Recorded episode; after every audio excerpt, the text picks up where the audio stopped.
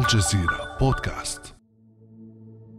في السادس والعشرين من مارس عام 2015 كانت الساعة تشير إلى الثانية صباحاً. شنت مئة طائرة عسكرية سعودية غاراتها على أهداف متفرقة. تعود هذه الأهداف إلى جماعة الحوثي والقوات الموالية للرئيس اليمني السابق علي عبد الله صالح. منذ اللحظة الأولى للعملية أفردت غرفة أخبار الجزيرة تغطية. استمرت ساعات طويلة لمتابعة المتغيرات التي وصفها محمد كريشان زميلنا بالمفاجئة في تلك الليلة الحاسمة. الحقيقة كانت هذه ليلة طويلة. هذه بداية حرب في اليمن لم يكن ربما كثيرون يتوقعونها. شكلت مفاجأة. بعد ساعات قليلة من انطلاق العملية ظهر الشاب الذي التحق بالمشهد السياسي والعسكري السعودي حديثاً وزير الدفاع الذي أصبح ولياً للعهد لاحقاً. إنه محمد بن سلمان. هذا الشاب ظهر في شريط مصور يظهر قيادته للعملية الأولى. ظهر محمد بن سلمان ممسكا بسماعة هاتف مجريا اتصالا من داخل غرفة عمليات عاصفة الحزم. متابعا تطورات العملية عبر شاشات علقت أمامه. بعد أمس من الجزيرة بودكاست أنا خديجة بن جنة.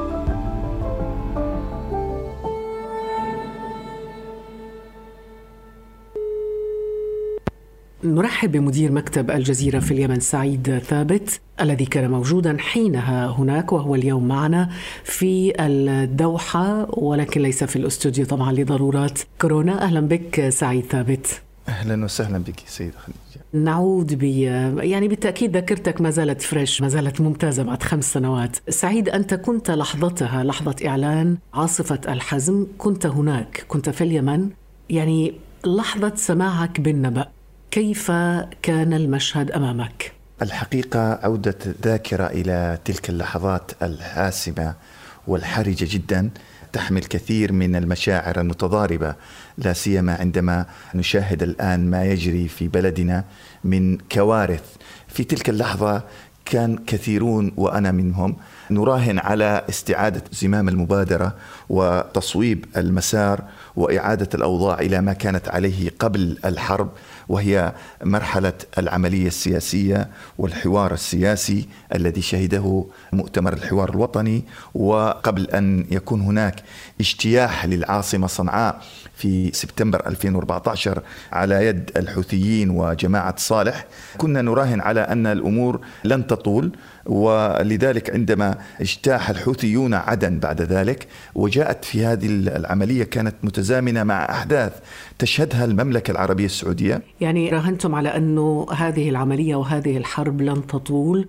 كم كنت أنت وال يعني الناس حواليك كم كنتم تتوقعون الحرب آه، أنا كنت في الحقيقة يعني كان زملاء معي في تلك اللحظة كنت لست متفائلا كثيرا لمعرفتي بطبيعة الأحداث لكن كنت أقول إذا صفت النوايا لن تزيد عن ستة أشهر تنتهي كل هذه الزوبعة. طب ليش ما لكن كنت متفائل سعيد؟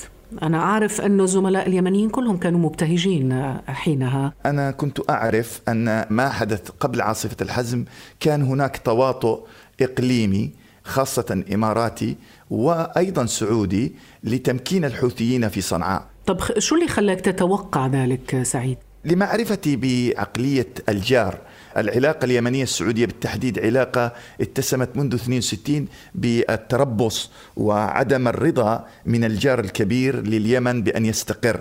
ونعلم أيضا أن صنعاء عندما اجتاح الحوثيون كان السعوديون راضين والإماراتيون أيضا راضين لهذه العملية. المشكل أنه عندما اجتاحوا عدن هنا انزعج السعوديون والاماراتيون خاصة أنها تزامنت مع موت الملك عبد الله ومجيء الملك سلمان في يناير 2015 كان هذا لحظة تحولات داخل الديوان السعودي أو داخل القصر الملكي السعودي.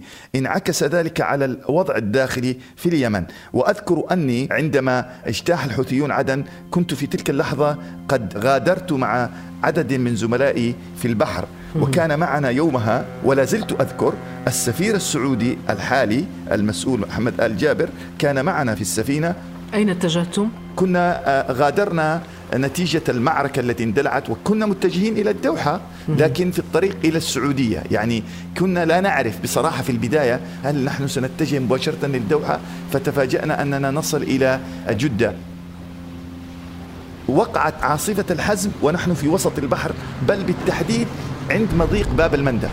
أعلنت عاصفة الحزم ونحن في الفرقاطة وكان معنا زملاء من بينهم عثمان آي فرح و ومجموعة من زملائنا والمصورين وغيرهم من الطاقم الذي كان يغطي مرحلة ما بعد تحرير عدن في تلك الفترة. وكنت أنا من المتشائمين بصراحة وكان السفير السعودي يقول لنا عصرية قصف الطيران الحوثي على قصر معاشيق في عدن قبل أن تدخل عاصفة كان ذلك في يوم 25 يوم أربعاء كان يقول لنا اليوم ستسمعون أخبار سارة. أنا أسررت في نفسي أن الأمر سقط من أيدينا إلا إذا صحت النوايا. ولذلك عندما وقعت عاصفة الحزم فرح كل الزملاء وأنا لا أخفيك. كنت أيضا تتنازعني مشاعر متضاربة بين الفرح والخوف.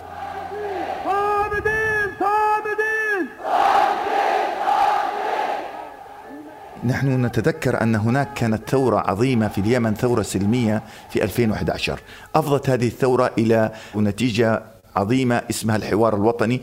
اجتمع كل اليمنيين وظلوا لما يقرب من سنة يناقشون مستقبل اليمن الجديد في إطار ما يسمى بجمهورية اليمن الاتحادية ذات النظام الأقاليم. وخرجوا بوثيقة من أعظم الوثائق التي لم تعرفها اليمن منذ زمان اسمها وثيقة الحوار الوطني. هذه الوثيقة لم ترق لكثيرين من الأطراف الإقليمية. وأنا أقول الإقليمية أولا وخاصة السعودية التي والإمارات التي كانتا تتربعان على عرش رعاية وتمويل الثورات المضادة. فنجاح مؤتمر الحوار الوطني كان يعني نجاح للثورة اليمنية السلمية. معنى النجاح للربيع العربي. ما الذي لم يرقهم السعودية والإمارات في مخرجات مؤتمر الحوار الوطني؟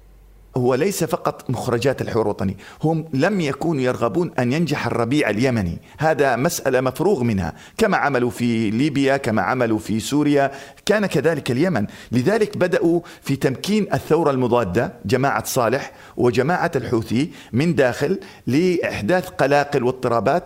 إذا سعيد السبب الرئيس الذي أطلقت من أجله عملية آه، عاصفة الحزم هي اجتياح عدن.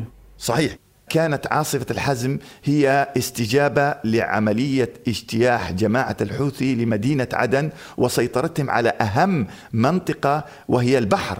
وإطلالة على باب المندب.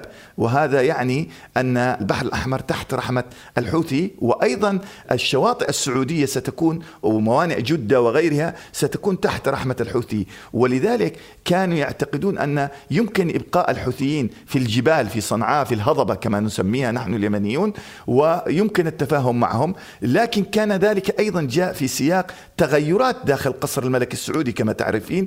في في يناير 2015 تولى الملك سلمان سلمان الحكم وبعدها بأيام تولى محمد بن سلمان ولاية ولي العهد يعني الولي ولي العهد طب ما العلاقة بين الأمرين؟ العلاقة بين الأمرين أن الطرف الأول جماعة الملك عبد الله والتويجري ومجموعة الديوان الملك السابق كان لديهم قنوات تواصل وتفاهمات مع الحوثيين في تمكينهم في ضرب القوى الحية داخل اليمن اللي هي قوة ثورة الربيع وإبقائهم في هذا الحدود ويحدث تفاهمات. وكنا نعرف يومها أن صالح هبرة أحد قيادات الحوثي يلتقي في السفارة السعودية يوميا ونحن في صنعاء كنا نعرف ذلك ويعلن وليس فيها شيء سري بتفاهمات ولقاءات. أيضا علي عبد الله صالح الذي هو أيضا كان أحد أركان الانقلاب كان يتواصل بعد علاجه في الرياض عندما تعرض لحادث جامع النهدين وظل تحت تحت رعاية سعودية مباشرة إلى آخر لحظة. لكن ما حدث التغير هو في يناير 2015 ثم عندما انقلب الحوثيون وضغطوا على الرئيس هادي بالاستقالة ثم هروبه إلى عدن ثم لحقوا به إلى عدن واجتاحوا عدن هنا تغيرت المعايير مع التغيرات الموجودة في الإقليم. عاصفة الحزم جاءت محاولة لتصحيح خطاء داخل قصر الملكي السعودي في الحسابات بين الملك عبد الله والملك سلمان. نعم وتسلم محمد بن سلمان وزارة الدفاع السعودية هل شكل عاملا مهما في هذه الحرب؟ آه محمد بن سلمان يعني شاب صغير كان ومعرفته في العمل العسكري محدودة جدا ولا يعرف اليمن بالمناسبة كما يعرفها مثلا الأمير نايف أو الأمير سلطان الله يرحمه اللي كان ماسك ملف اللجنة الخاصة اليمنية نعم. أو الأمراء القدامى في المملكة العربية السعودية الذين يعرفون تعقيدات المشهد اليمني والتركيبة القبلية محمد بن سلمان من الجيل الأخير الذي لا يفهم اليمن فدخل بشكل باندفاعه غير محسوبة للمجال اليمني وغرق فيه وكان لا يدرك أن هذه العملية دون حسابات دقيقة ودون معرفة ستؤدي به هو ومملكته إلى مشاكل كبيرة. بالمناسبة كان ذلك المقدمات لعاصفة الحزم كان الناس يتفاءلون كان هناك عدد كبير من الدول مشاركة في هذا التحالف لكن ما أن جاء بعد تحرير عدن في يوليو 2015 وتحول السعودية بانشغالاتها في ترتيب نقل ولاية العهد من الأمير نايف إلى الأمير محمد بن سلمان في يونيو 2015 كان أيضا الإماراتيين متفرغين للسيطرة على عدن وبسط سيطرتهم والسعوديون منشغلين في الداخل للخلافات. ولذلك جاءت في 2017 في يونيو في 2017 معذرة حدثت الانهيار الكبير في التحالف وفي العاصفة والتغير الكبير لدرجة أيضا حصار قطر ورغم ذلك طالما أنك تشير إلى 2017 سعيد أنه رغم ذلك في 2017 كان ولي العهد محمد بن سلمان يعتبر أنه هذه الحرب ستؤتي أكلها في ظرف زمني قصير ونتذكر حديثه في مقابلة تلفزيونية بعد عامين تقريبا من انطلاق عاصفة آه، الحزم. آه نستطيع أن نجتث الحوثي وصالح في أيام قليلة. نستطيع أن نحشد القوات البرية السعودية فقط لوحدها. وفي فقط في أيام قليلة نجتث كل المناطق أو 15% الباقية تحت سيطرة الحوثي وعلي عبد الله صالح لكن هذا بيكون نتيجته آه. ضحايا في قواتنا بالآلاف بنفتح عزاء في كل مدينة آه، سعودية بيكون النتيجة الثانية ضحايا مدنية يمنية بشكل عالي جدا وخسائر كبيرة. هو تصريح ورقة اعتماد لتوليه ولاية العهد كان هذا هو جواز المرور لإقناع الأمراء داخل المملكة أنه قادر على أن يبسط سلطاته كزعيم متوج وسيحسم الأمور في أيام بينما قد مضى على عاصفة الحزم ما يقرب من سنتين يومها من 2015 إلى 2017 نعم. تقريبا سنة ونص أو سنتين نعم. كان هذا التصريح بمثابة جواز مرور للأمير محمد بن سلمان لتثبيت وجوده داخل القصر الملكي وليس لتحرير أو مساعدة الحكومة الشرعية في اليمن طيب سعيد الآن بعد خمس سنوات من انطلاق هذه العملية لو أردنا أن نقوم ب يعني خلينا نسميها جردة حساب مثلا كشف حساب لهذه الحرب كيف تبدو ملامح المشهد العسكري اليمني اليوم؟ آه كارثية باختصار مشهد كارثي وسوداوي وقاتم طيب لنبدأ بالجانب العسكري من الجانب العسكري كانت المعركة بين حكومة شرعية مسنودة بتحالف وبين متمردين انقلابيين حوثيين. يساعدهم رئيس المخلوع علي عبد الله صالح. اليوم صار أربع جبهات حكومة شرعية سعودية وإمارات وحوثي وانفصاليين. يعني أربع قوى تتقاتل عسكريا ذات أجندة متضاربة على كامل التراب اليمني وتتقاسم التراب الوطني اليمني بين هذه القوى السعوديون والإماراتيون. الآن نحن أمام طرفين أساسيين الإمارات والسعودية. أجندة كل دولة ما هي؟ يعني هي بالتأكيد ليست أجندة موحدة. لا أكيد. الوقائع تقول ذلك أيضا. يعني أدنى مشاهد شخص بسيط يكتشف هذه التناقضات وإن بدا كما لو أنهم يشتغلون في أجندة واحدة. الإمارات هي أصلا كانت مركزة مسبقا على عدن وعلى بعض مناطق الجنوب بالتحديد والسعودية كانت أكثر ما هي مركزة عليه المهرة باعتبار تطلعات اقتصادية فيما يتعلق بأنبوب النفط وغيره. والسعوديين مؤخرا قالوا أنهم استلموا إدارة مناطق الجنوب من المهرة لديها حدود مع سلطنة عمان. نعم هي البوابة الشرقية لليمن.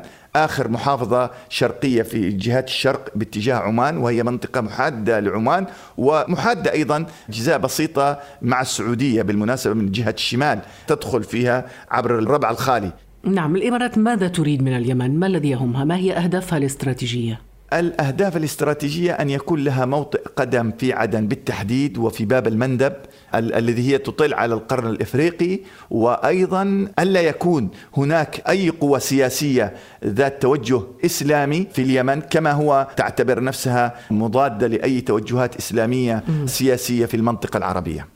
طب غير التوجهات الإسلامية وهذا معروف بالنسبة للإمارات كيف أثر سعيد وجود الرئيس اليمني عبد ربه منصور هادي وإقامته الدائمة في السعودية؟ كيف أثر على الأوضاع في اليمن عسكريا سياسيا؟ يعني كأنه ارتهان للسعودية. النظام السعودي نظام شمولي مغلق. ويعكس نفسه على كل من يستقر داخله. عندما انتقلت الحكومة والأحزاب السياسية للأسف إلى داخل الأراضي السعودية انشلت العملية السياسية في اليمن وصار الصوت الأعلى هو صوت السلاح والملشنة. والسعودية أيضا دعمت وساهمت في إخفات الصوت السياسي وإعطاء مجال للملشنة وللجماعات المسلحة خارج إطار الدولة والمؤسسات الدولة. إذا سعيد تقصد بالملشنة الميليشيات؟ نعم آه، آه، يعني أعطت صوت للميليشيات.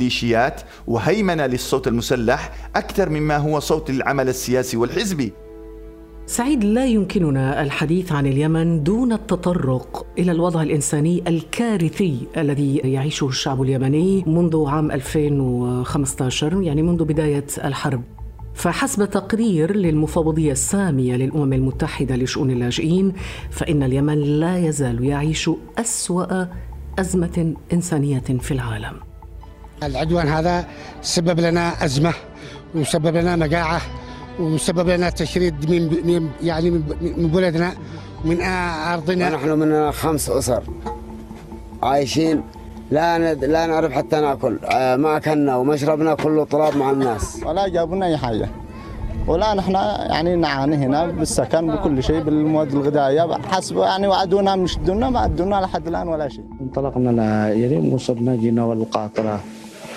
محروقة كامل في ديالنات محطات كامل بقع قصف عشوائي ما أناش عارف على إيش. مواطنين إيش ذنبهم؟ لا في لا قاعدة عسكرية هناك ولا في أي حاجة. الشعب اليمني من كل طوائفة ومن كل محافظاته ليؤكد رفضه لهذا العدوان الغاشم والسافر من آه، دولة آل سلول التي استهدفت الشعب اليمني بكل طوائفة. التحرك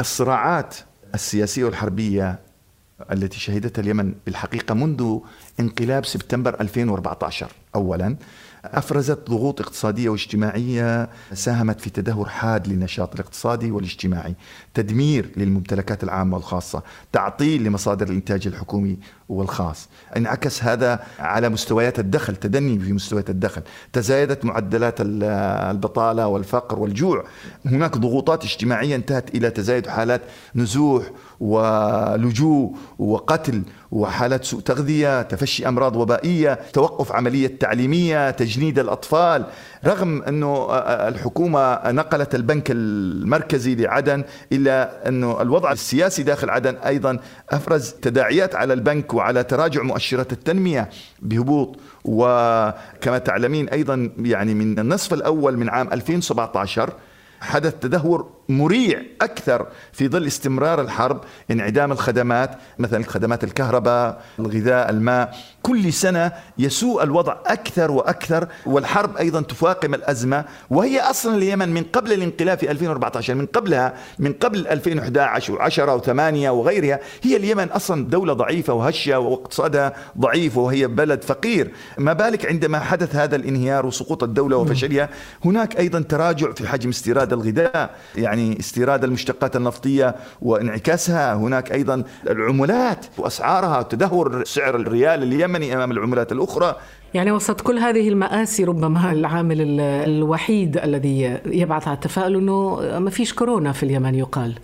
الحمد لله الحمد لله يا رب. الحمد لله هذه من ألطاف الله وإن كنت أنا قلق وأخشى وأسأل الله أن يخيب آه، توقعاتي أنه لا أستبعد أن يكون خلال يومين ثلاث قد تظهر هذه خاصة أن السعودية لم تتخذ إجراءات حقيقية من دخول السعودية والتحالف لم يحافظ على المنافذ البرية والبحرية بشكل كبير وهذا أيضا يخوف يخوف اليمنيين كثيرا مم. لكن لنتفائل خيرا وإن شاء الله ما يكون في. كورونا في. اليمن بجملة أو جملتين سعيد مآلات هذه الحرب. كيف ستنتهي معاناة الشعب اليمني وتنتهي هذه الحرب؟ هل هل يبدو ذلك قريبا؟ نعم اليمن يحتاج إلى قائد فدائي يغامر لانتشال اليمن.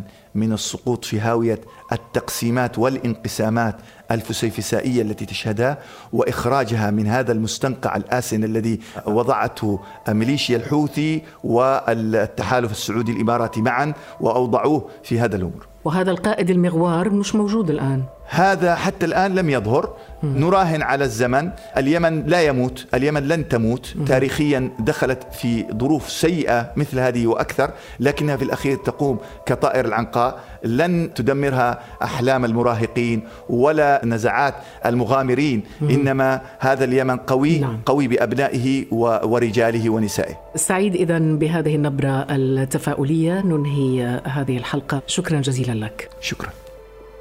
كان هذا بعد أمس.